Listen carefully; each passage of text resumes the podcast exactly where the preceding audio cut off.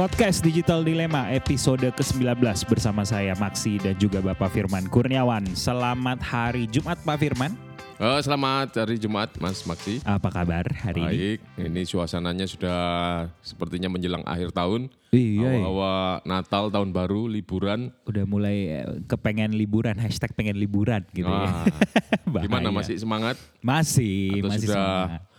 Eh, membayangkan eh, destinasi liburan? Uh, Kebayang sih kebayang, cuman eh, sepertinya itu hanya jadi bayangan untuk tahun ini. Kayaknya nggak liburan. Teman-teman gimana apa kabarnya hari ini semuanya? Eh, selamat hari Jumat, selamat menyambut weekend. Eh, sedikit lagi, akhir tahun sedikit lagi liburan, jadi mudah-mudahan tetap semangat juga.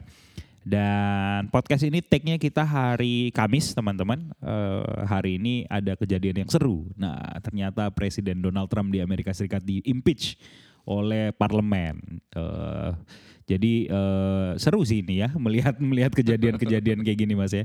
Kira-kira Iya. akan akan akan ada ada dampaknya lah ya kayaknya ke seluruh dunia ya. Ya, paling enggak eh, ada hal-hal yang bisa dipelajari. Mengapa itu bisa terjadi? Dan bagaimana kemungkinan hal yang sama bisa terjadi di tempat lain? Iya betul. Dan Donald Trump ini kan adalah salah satu seorang presiden yang tanda kutip sangat ah, dekat ya dengan dunia digital ya. Keberadaan Betul. dia, kampanye dia itu semuanya banyak di digital dan Hobinya nge-tweet. hobinya nge-tweet benar. Dan dia suka me- menggalang dukungan juga dari digital. Dia mengajak orang-orang untuk berkolaborasi di dunia digital dan menggalang dukungan. Nah, berbicara tentang kolaborasi teman-teman, eh, hari ini kita akan membahas tentang kolaborasi temanya, Eh, tapi lebih arahnya ke arah ekonomi, yaitu eh, ekonomi kolaborasi yang muncul seiring dengan eh, perkembangan internet. Eh, banyak sekali kegiatan ekonomi baru yang muncul yang itu sifatnya adalah sebuah kolaborasi ya Mas ya. Betul, Nah, betul. Mas Firman menulis satu tulisan menimbang kembali kolaborasi. Eh, boleh dijelaskan Mas, ini Ya. tulisannya tuh mengarahnya seperti apa? Ya, jadi seperti yang kita bicarakan era sebelumnya, disrupsi itu menyebabkan eh, pembalikan praktek kehidupan, termasuk praktek bisnis. Di sana kita dituntut untuk eh, bereaksi cepat, eh, bergerak cepat, eh, dan adaptif. Padahal kalau kita eh, gabungkan antara cepat dengan adaptif itu sering kali dua kutub yang berseberangan. Kita untuk mengadaptasi itu perlu Waktu. waktu. Ya. Sedangkan untuk bereaksi cepat itu enggak enggak itu tadi harus memotong waktu. Ya, ya, nah, ya. jalan tengah untuk mengatasi itu dengan kolaborasi. Kolaborasi lebih dari sekedar bekerja sama. Ya. Kalau di bukunya eh, Don Tapscott dan Anthony Williams yang berjudul Wikinomics, Hmm, ya. unsur dari kolaborasi itu ada empat paling tidak. Yang pertama adalah eh, sifat openness, keterbukaan. Jadi kita eh, mengajak pihak lain yang mempunyai kompetensi tertentu untuk bekerja bersama, Ya. menjadi mitra. Jadi kalau kita lihat Airbnb punya jaringan eh, properti di seluruh dunia, itu karena dia tidak pilih-pilih orang dari suku bangsa mana, orang dari agama mana. Yang penting dia punya properti yang bisa disewakan dan sepakat dengan eh, model kerjasamanya. Iya. Yang kedua peering, eh, yaitu suatu sifat eh, apa namanya kelompok atau orang yang mempunyai visi yang sama untuk mewujudkan tujuan bersama. Nah ini mungkin peering ini eh, kata lain dari kerjasama. Jadi kolaborasi lebih dari sekedar kerjasama Ya. karena ada unsur tiga unsur yang lain yaitu tadi eh, openness, peering itu sendiri dan yang kemudian eh, crowd atau sharing, saling berbagi. Eh, berbagi peran, berbagi kemampuan, berbagi keahlian di sana. Ya. Eh, kalau dalam konteks tadi Airbnb atau Uber, eh, yang dibagi adalah properti, yang satu kemampuan mengembangkan aplikasi, yang lain cara pengaturan eh, model bisnisnya seperti apa. Ya. Jadi eh, mereka bermitra dan implikasi dari ketiganya itu akan menghasilkan sebuah aktivitas ekonomi yang sifatnya eh, global atau act globally. Jadi bisa menjangkau seluruh dunia eh, kita lihat tadi Uber, Hmm. kemudian Airbnb ada di seluruh dunia dan sekarang Gojek dalam proses sudah masuk ke Vietnam, sudah mencoba ke Singapura dan sebagainya. Iya, Itu karena mereka menjalankan yang namanya kolaborasi ini. Hmm, ya, ya, ya, ya. Karena eh, akan lebih cepat ekspansi karena tidak ada apa namanya tuntutan untuk menambah beban di aset ya. Ya, Karena dia hanya memanfaatkan aset orang yang sudah ada, yang mengoptimalkan aset orang lain betul. sebenarnya. Jadi kalau kita bayangkan model bisnis konvensional, perusahaan taksi dia harus mempunyai taksi Mobil itu sendiri, sendiri, iya. harus mengawasi drivernya, harus maintenance taksinya, kemudian eh, pengkandangan atau apa namanya eh, Setelah menyimpan taksinya harus Poolnya, punya lahan yang iya, luas, poolnya. Iya. Nah itu semua kan Kosnya menjadi besar ya. beban yang tersentralisasi Iya, iya. sehingga kadang-kadang eh, ketika kita tersentralisasi untuk memikirkan hal-hal yang sifatnya administratif tadi, Ya. lupa dengan kepentingan eh, berkompetensi, berkompetisi. Hmm, sibuk di kegiatan operasionalnya sendiri saja Ya. akhirnya. Seperti itu. Jadi bayangkan kalau eh, sebuah perusahaan taksi punya lebih dari 500 ribu driver, kemudian mogok bersama-sama karena satu hal kecil yang tidak disepakati, itu kan akan menyita eh, pikiran Iya, tenaga kerja. Iya iya. Rugi terhadap operasionalnya lumayan besar gitu ya. Nah kalau eh, berarti ini sebenarnya perusahaan-perusahaan yang menerapkan seperti ini ini ada sedikit perubahan paradigma berpikir ya mas ya. Betul, betul. Jadi ada eh, pembagian beban. Nah itu. Beban tidak ditanggung sendiri. Iya iya karena orang biasanya k- kalau konvensional itu berpikirnya ya kalau mau bikin bisnis harus di tempat sendiri kayak Ya, zaman ya. dulu kan pemikirannya gitu ya. Betul. Eh, saya ingat itu kalau orang ingin eh, kaya raya ya harus punya pabrik. Iya kalau iya. pingin punya pabrik ya harus punya lahan. Kalau punya pingin punya lahan ya harus punya duit yang banyak. Jadi Iya iya. eh, ketika itu urusan berbisnis ini adalah urusan elit, urusan orang yang punya duit Iya. Punya banyak. duit. Iya iya. Kalau hari ini dengan diperantarai teknologi digital, semua orang bisa berbisnis dengan mengandalkan eh, keahlian masing-masing. Iya. Setiap orang pasti punya keahlian. Ya, ini yang disebut dengan uh, Wikinomics itu ya Mas ya. Ya, wiki itu kalau itu bahasa Hawaii, kalau nggak salah, itu artinya cepat. Oh, cepat. oke. Jadi ekonomi yang bisa beradaptasi secara cepat. Oh, oke. Karena rumusnya di- tadi ada kolaborasi di dalamnya. Ya, ya, ya, Cepat, ya, ya. adaptif, karena ada Karena ada kolaborasi. kolaborasi. Ya. Jadi kalau dikerjakan bersama-sama, ini pasti akan bisa lebih lebih cepat nih Ya, lebih perkembangannya. lincah, lebih mudah mengatasi perubahan-perubahan. Ya, ya. Tuntutan eh, konsumen hari ini kan mungkin kalau dulu kita kenal namanya life cycle eh, Product life cycle ya. Heeh. Eh, produk life cycle itu bisa tiga tahun sebuah produk dari diperkenalkan sampai orang bosan tiga tahun. Ya. Kemudian masuk ke era teknologi tinggal tiga bulan Nah. ganti lagi model yang baru. Nah kalau sekarang mungkin selera orang itu mingguan atau mungkin harian Iya, berubah. ganti. Iya, iya. Karena begitu banyak produk yang ditawarkan Oh, iya, iya, iya. seperti itu. Wiki Wikinomics ini kayaknya eh, terinspirasi dengan itu ya Wikipedia itu ya, kan. ya. Jadi, dia bisa menjadi ensikl- ensiklopedia yang lebih lengkap dari eh, Britania Ensiklo- Ensiklopedia. Iya.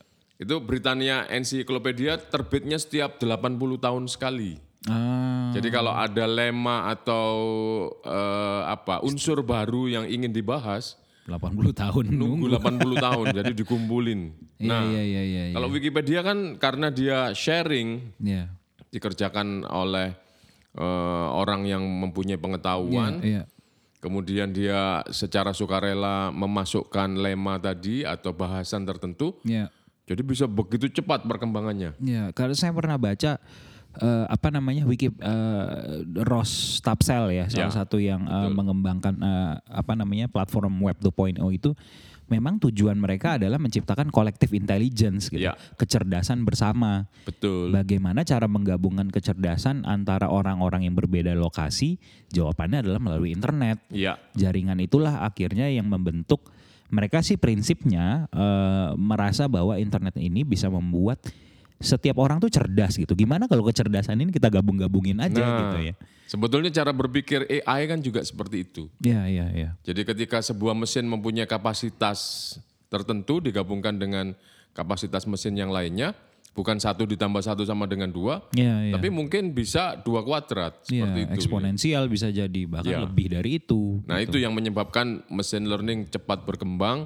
Iya, iya. Kemudian perkembangan teknologi ini berhasil mendisrupsi, mendisrupsi mematahkan eh, apa? Ekonomi konvensional ya. Ya, ekonomi konvensional maupun peradaban yang tumbuhnya secara eh, deret ukur, Ukur. deret hitung, Iya, iya. secara eksponensial.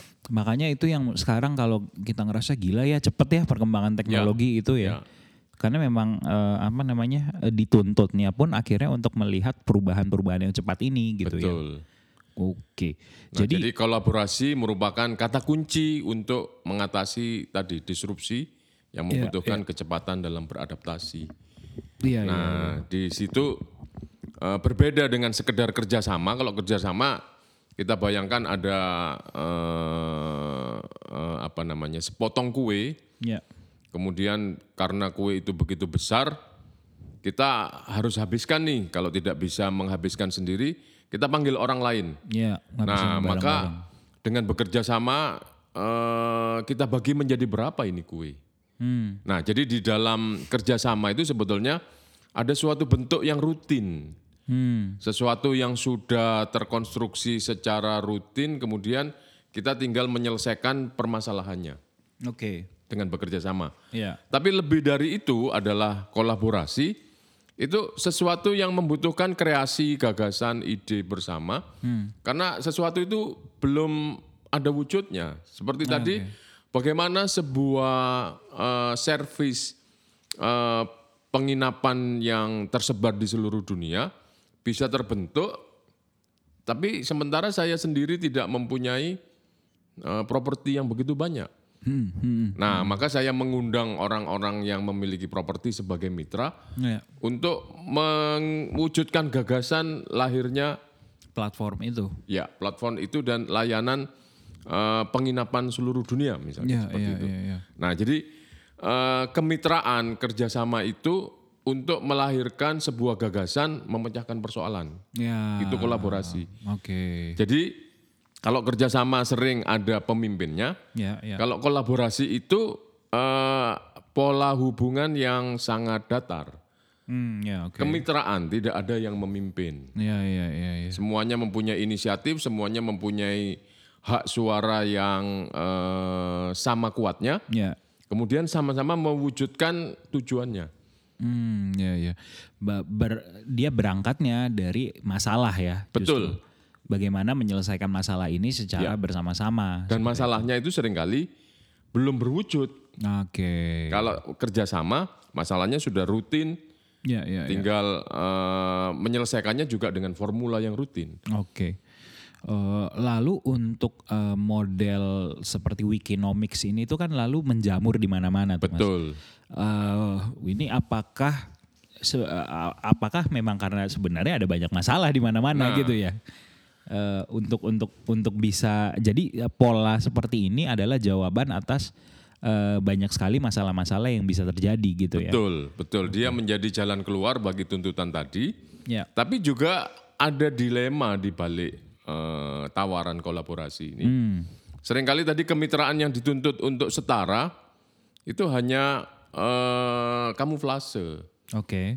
Jadi ada eh, pihak yang memiliki katakanlah aplikasi dan ide cita-cita, Ya. kemudian mengundang pihak lain untuk mewujudkan ide tersebut, tapi dia bukan eh, pihak lain tersebut bukan juga eh, menyumbangkan gagasannya, Ya. tapi sebagai pihak yang menjalankan sebagai pelaksana keinginan dari yang mempunyai gagasan. Ya ya ya ya ya ya ya. Jadi relasinya adalah yang satu menguasai, yang satu dikuasai. Hmm, oke. Sehingga kalau kita lihat yang satu bisa menghukum, bisa memberikan sanksi, Ya. yang satu ya tidak punya pilihan kecuali eh, menjalankan sanksi tersebut. Padahal tadi kalau kolaborasi Mestinya kan itu pola kemitraan dibicarakan bersama. Ya, ya. Kemudian bagaimana jalan keluar untuk kita mewujudkan apa yang menjadi tujuan. Hmm, itulah salah satunya mungkin tergambar dari rating itu ya. Betul. Rating misalnya eh, kepada driver ojek online ada Ya. sistem ada mekanisme rating Nah. seperti itu ya. Juga penginapan misalnya kan eh, apa namanya? Oke, rating itu boleh diberikan, Ya. tapi tidak untuk menghukum pihak yang menjadi mitra. Oke. Rating Anda dua nih dari lima. Eh, kalau menurut keluhannya eh, pemakai jasa Anda, Mm-mm. karena kurang bersih, kurang eh, tatanan yang nyaman, Mm-mm. perbaikilah. Hmm. Nah, jadi tidak kemudian disuspend, tidak boleh memberikan layanan. Nah itu tadi berarti ada pihak yang menguasai dan ada pihak yang dikuasai. Walaupun sebenarnya itu dilakukan untuk menjaga standar supaya sama nih gitu. Iya, iya, iya. Tapi eh, apa namanya? Pola relasinya adalah adalah dialog, bukan perintah, Oh, bukan order. sebenarnya. Nah, di situ perbedaannya. Hmm, oke oke. Jadi di sini tulisan yang saya ajukan itu menimbang kembali kolaborasi, Hmm. karena sering kali kolaborasi-kolaborasi yang terjadi di balik digitalisasi ekonomi Hmm. ini sebetulnya justru eh, mengandung apa namanya eh, kemitraan yang tidak sejajar Ya, dan ya. terselubung di situ. Hmm, ya, ya, Atau boleh disebut lebih ekstrim sebagai perbudakan gaya baru nih. Hmm, Kalau ya, kita dulu mendirikan sebuah bisnis eh, harus mempunyai sumber daya, ya. ini sumber daya ditanggung oleh pihak lain, tapi pihak lain juga harus siap menanggung hukuman. Ya, ya, ya, ya, ya. Nah, di mana letak kolaborasinya di sini? Ya, ya, ya, ya. Yang tadinya sepertinya tanda kutip ini eh, mulia gitu ya. Betul, betul. Tapi kok makin lama ke sini kok ini kayaknya ada yang salah deh gitu. Nah, menjadi kamuflase. Oke, ya, ya, ya, ya. Ini membebaskan para pemilik kendaraan untuk eh, terserah Anda bekerja hari ini atau memilih istirahat hari ini. Ya, Tapi coba kalau beberapa hari kita memilih istirahat, pasti akan disuspend. Ya, ya, ya. Nggak dapat order. Sistemnya ketika mendapat order akan dipindahkan kepada orang lain. Ya, ya, ya. Ketika seseorang sering menolak order, dia dianggap eh, pilih-pilih. Nah akhirnya nggak dikasih, misalnya seperti itu. Nah ini kan sistem yang tidak dialektis, Hmm, hmm, hmm. tapi ada yang harus patuh, Ya, ada ha- yang mengeksploitasi, ada yang dieksploitasi. Ya, ya. Itu bukan kolaborasi lagi. Hmm, itu yang namanya mungkin bisa jadi ya pola baru perekrutan gitu ya. Jadi Ya bisa seperti itu pola baru merekrut karyawan gitu. Jadi dengan meniadakan tanggung jawabnya untuk misalnya memberi training, memikirkan jabatan atau kenaikan karir kan di situ ya, nggak ya. ada. Iya, iya. Di satu sisi eh, apa namanya kemitraan itu ditonjol-tonjolkan. Iya. Kita kan mitra, Anda mau eh, naik karir dan sebagainya itu kan terserah Anda. Iya. Tapi di sisi lain ketika target tidak terpenuhi, ada hukuman yang dikenakan. Iya, iya. Bebas tapi nggak sebebas itu gitu. Nah itu ini kan sebuah sistem yang apa hibrid ya Hmm, iya, iya, iya, iya, iya. antara membebaskan tapi juga me- menguasai. Iya, iya. Dia- bebas tapi di bawahnya selalu ada api yang manas-manasin gitu ya. Jadi susah juga geraknya gitu. Mungkin di situ letak dilemanya. Iya, iya. Jadi kalau memang kolaborasi sebagai jalan keluar untuk disrupsi ekonomi, ya mestinya harus dijalankan sesuai dengan yang disampaikan Don Scott dan Anthony William ini. Itu akan mempercepat perkembangan ekonomi. Hmm, hmm, hmm. Everybody happy. Iya iya iya. Tapi kan memang pembelaan dari penyedia jasa pasti adalah ini untuk menjaga standar, untuk Betul. menjaga eh, kualitas, menjaga pelayanan supaya publik tidak kecewa juga gitu. Iya. Dan memang di dalam eh, ekonomi digital atau masyarakat jejaring kan Iya. berlaku logika eksklusi Iya. inklusi. Ketika sebuah entitas yang dijadikan mitra punya keunggulan, punya kesamaan standar, diinklusi. Iya. Memang seperti itu. yang tidak memenuhi standar dieksklusi. Itu memang logika yang betul, tetapi mestinya relasinya adalah dialog. Hmm, hmm. Bukan uh, reward sekedar reward and punishment.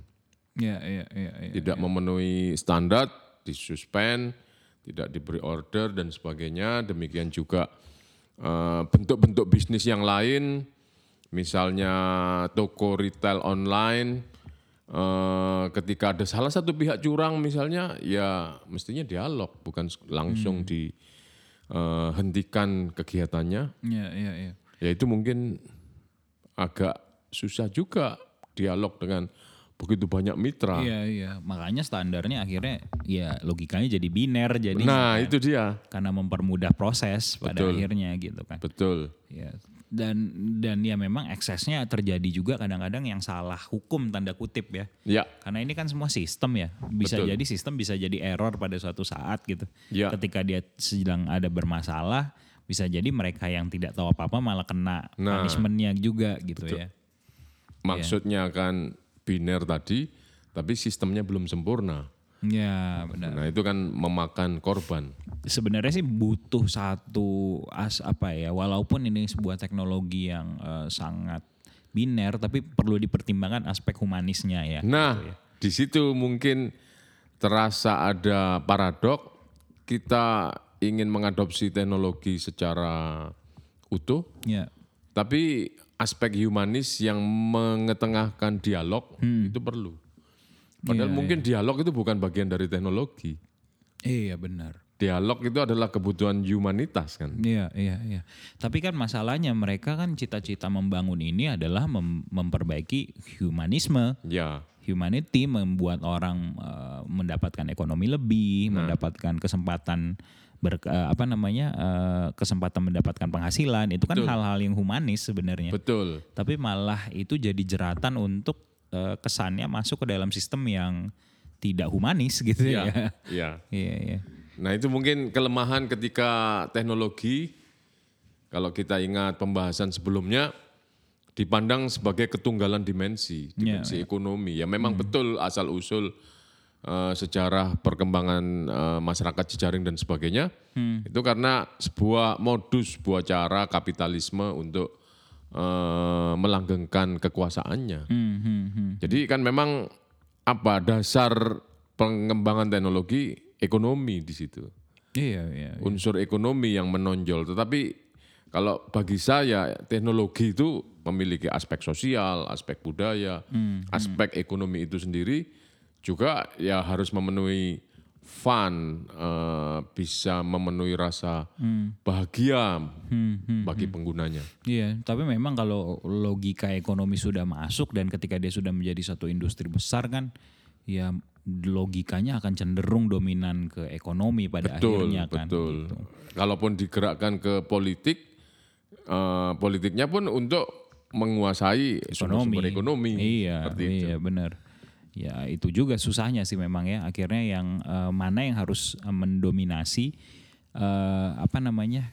Dan ketika yang saya bayangkan sih karena memang si perusahaan-perusahaan rintisan ini misalnya atau yang bergerak di ini kan mereka memang ada dalam tekanan misalnya investasi atau Iya. segala macam Betul. yang mereka diukur dengan finansial kan Iya, dengan keberhasilan adalah finansial gitu. Betul. Justru yang aspek-aspek humanis yang kadang ditonjolkan adalah juga ujung-ujungnya mendukung upaya memaksimalkan ekonomi sebenarnya gitu kan. Betul. Eh, lalu yang eh, kemudian eh, agak menggelitik saya gitu, tapi kenapa banyak sekali orang yang mau bermitra gitu mas dengan dengan dengan mereka ini gitu, walaupun banyak sebenarnya kan cerita-cerita nggak enak gitu misalnya. Bisa jadi karena tertarik pada gimmick awalnya, Anda bisa eh, mempunyai suatu pekerjaan di mana Anda bisa menentukan jam kerja Anda sendiri. Itu kan sesuatu yang menarik. Ya. Anda bisa menentukan berapa penghasilan Anda yang ingin Anda capai. Itu Hmm, kan sesuatu yang menarik. gitu. Iya iya iya. Tapi ketika dimasuki, oh tidak semudah itu. Oke. Ada beberapa hal yang harus Anda patuhi rupanya. Nah di, di- di situ Iya iya. mungkin jebakan-jebakan Batman-nya menjadi oh ternyata tidak semudah itu. Iya, ini sama seperti apa? eh ketika seseorang masuk ke dalam eh, tanda kutip hobinya atau apanya gitu. Ya, ini kan menarik sebenarnya kesannya menarik atau apa gitu. Termasuk hobi ikan cupang. Termasuk hobi ikan cupang yang sedang saya jalani teman-teman. Ini terkesannya menarik tapi itu membuat masuk dalam ikatan sebenarnya. Nah, betul. Gitu. Tapi ya untuk satu enjoyment ya diterima gitu loh. Ini emang tiap hari harus bersihin akuarium misalnya gitu. Kan terus ganti air Nah. misalnya. Tapi eh, yang yang awalnya kadang-kadang kita nggak mikirin tuh yang kayak Betul. gitu tuh bahwa ada standar yang dilakukan itu gitu. Iya. Standar itu yang harus dilakukan. Tapi ya beda mungkin ya kalau kalau sifatnya hobi dan dan itu sudah masuk ke misalnya dan sifatnya yang satu lagi ekonomi misalnya. Betul. Gua mau nggak mau nih harus harus begini gitu ya. Mau nggak mau jadi harus melakukan hal ini karena misalnya tuntutan ekonomi ataupun apa pun gitu ya. Jadi eh, kesannya eh, ini gue bisa memenuhi ekonomi secara bebas, tapi nggak sebebas itu juga gitu. Betul. Malah malah harus mengikuti aturannya gitu. Nah, Iya iya. saya jadi teringat pidatonya Mas Slamet Raharjo saat wisuda IKJ. Oke. Seni dan menurut saya juga apa pun Ya. itu mengandung dua hal. Satu pasti ada berkah, Hmm. yang satu ada musibahnya. Kita nggak mungkin hanya ambil berkahnya saja. Iya, Bekerja, wah kita mengejar bonus. Iya iya. Tapi musibahnya adalah mungkin dikomplain sama customer, Iya, dimarahin iya, iya. atasan dan sebagainya. Iya iya. Itu harus satu paket. Iya iya iya. Gak mungkin kita hanya ambil berkahnya saja. Demikian juga aspek ekonomi ketika akan diambil eh, dari sebuah penerapan teknologi, Iya. pasti ada musibahnya di mana. Nah, di sini persoalannya Ya. jangan musibah itu ditimpakan kepada mitranya. Iya iya iya. iya. Dalam kolaborasi ya semua pihak yang bermitra, Hmm. baik penggagas aplikasi, pemilik fasilitas yang diperdagangkan, Iya iya. itu harus menerima berkah dan musibahnya bersama-sama. Iya, iya. Bukan berkahnya di pemilik aplikasi, musibahnya di Mitranya. Mitranya. iya iya. Ini jadi ketimpangan relasinya ya. Iya. itu problem dari kolaborasi, Kolaborasi. yang perlu kita dalami Iya, sebetulnya. iya. Dan sulitnya ini adalah aspek sosialnya justru Betul. ya. Kalau secara ekonomi, secara teknologi itu sudah sudah solve dengan Ya. cara mekanisme rating, punishment dan segala macam. Tapi dampak sosialnya gimana nih cara cara apa namanya menanggulanginya gitu. Ya, Karena nggak sedikit juga ketika mitra-mitra ini merasa tanda kutip eh, terzolimi gitu ya, ya mereka protes juga gitu. betul. Tapi eh, yang saya juga bingung adalah mereka protes, tapi eh, apa namanya aturannya mungkin dirubah sedikit ya mereka tapi jalan lagi aja gitu. nah, ya. karena tidak punya pilihan. ya ya ya itu dia. Tapi betulkah manusia ketika berhadapan dengan ekonomi tidak punya pilihan? Nah, itu kan soal prioritas yang ingin diperjuangkan. Ya, ya, tergantung apa saja yang ada ada opsi apa saja yang ada di depannya mereka gitu. Iya. Ya celakanya orang Indonesia jarang yang mikirin opsi-opsi lain sih ketika Nah, ketika berhadapan dengan hal-hal seperti ini gitu. mungkin misi kita adalah mari kita melihat bahwa banyak pilihan-pilihan lain selain opsi ekonomi. Ya, ya, ya, benar. Ada opsi kenikmatan kerja, harga diri kerja, ada unsur fun yang harus dipenuhi, ada fungsi sosial kita harus mempunyai monumen dari pekerjaan kita, itu adalah fungsi sosialnya. Jadi apalah artinya kita bekerja membajak sawah kalau hanya memperjuangkan seikat rumput. Hmm, ya, ya. Betul. Sudah 28 menit teman-teman. Ini saya sambil liatin time code dari tadi ini. ini saya lagi ngeliatin bahan apalagi yang mau dibahas ini ya. Tulisannya menarik ini teman-teman. Ada banyak hal-hal hal-hal penting yang bisa teman-teman eh, apa namanya eh, analisis apalagi kalau teman-teman yang eh, ber apa namanya ber tertarik menjadi eh, entrepreneur dalam bidang teknologi. Karena eh, model bisnis kolaborasi ini eh, adalah model bisnis yang tanda kutip paling banyak di- dilakukan digeluti oleh Betul. banyak orang. Jadi kalau istilahnya kita kalau misalnya itu pitching terhadap satu ide startup gitu biasanya itu ada formulanya oh ini tekno eh, yang mau lo bikin tuh Uber for ini ya gitu jadi Uber for X model gitu jadi tanda kutip calo doang sebenarnya ada ada orang punya aset gitu, ada customer kita konekin di tengah gitu Iya. nah itu Uber for X model gitu Iya. Nah sering kali kan teknologi-teknologi yang muncul kan itu uh, mengumpulkan antara seller dengan buyer jadilah marketplace misalnya Betul. antara eh, yang butuh kerja yang butuh driver sama eh, orang yang punya motor nggak kepake ditemukan di tengah gitu. Ya. Eh, yang harus diingat adalah bagaimana eh, mentreat mereka sebagai mitra yang kalau eh, membangunnya di sharing eh, bebannya dan resikonya jangan lupa di sharing juga. Nah, tapi saya sangat percaya bahwa kolaborasi ini menjadi jalan keluar Ya. untuk mengatasi tuntutan kecepatan. Jadi tidak semuanya harus kita pikirkan sendiri, tidak semuanya kita harus selesaikan sendiri. Ya. dibagi-bagi. Nah, ketika kita bisa menemukan teman berbagi yang tepat, itu kecepatan kita akan berlipat Iya. dan kemampuan adaptif kita terhadap tuntutan itu akan semakin tinggi.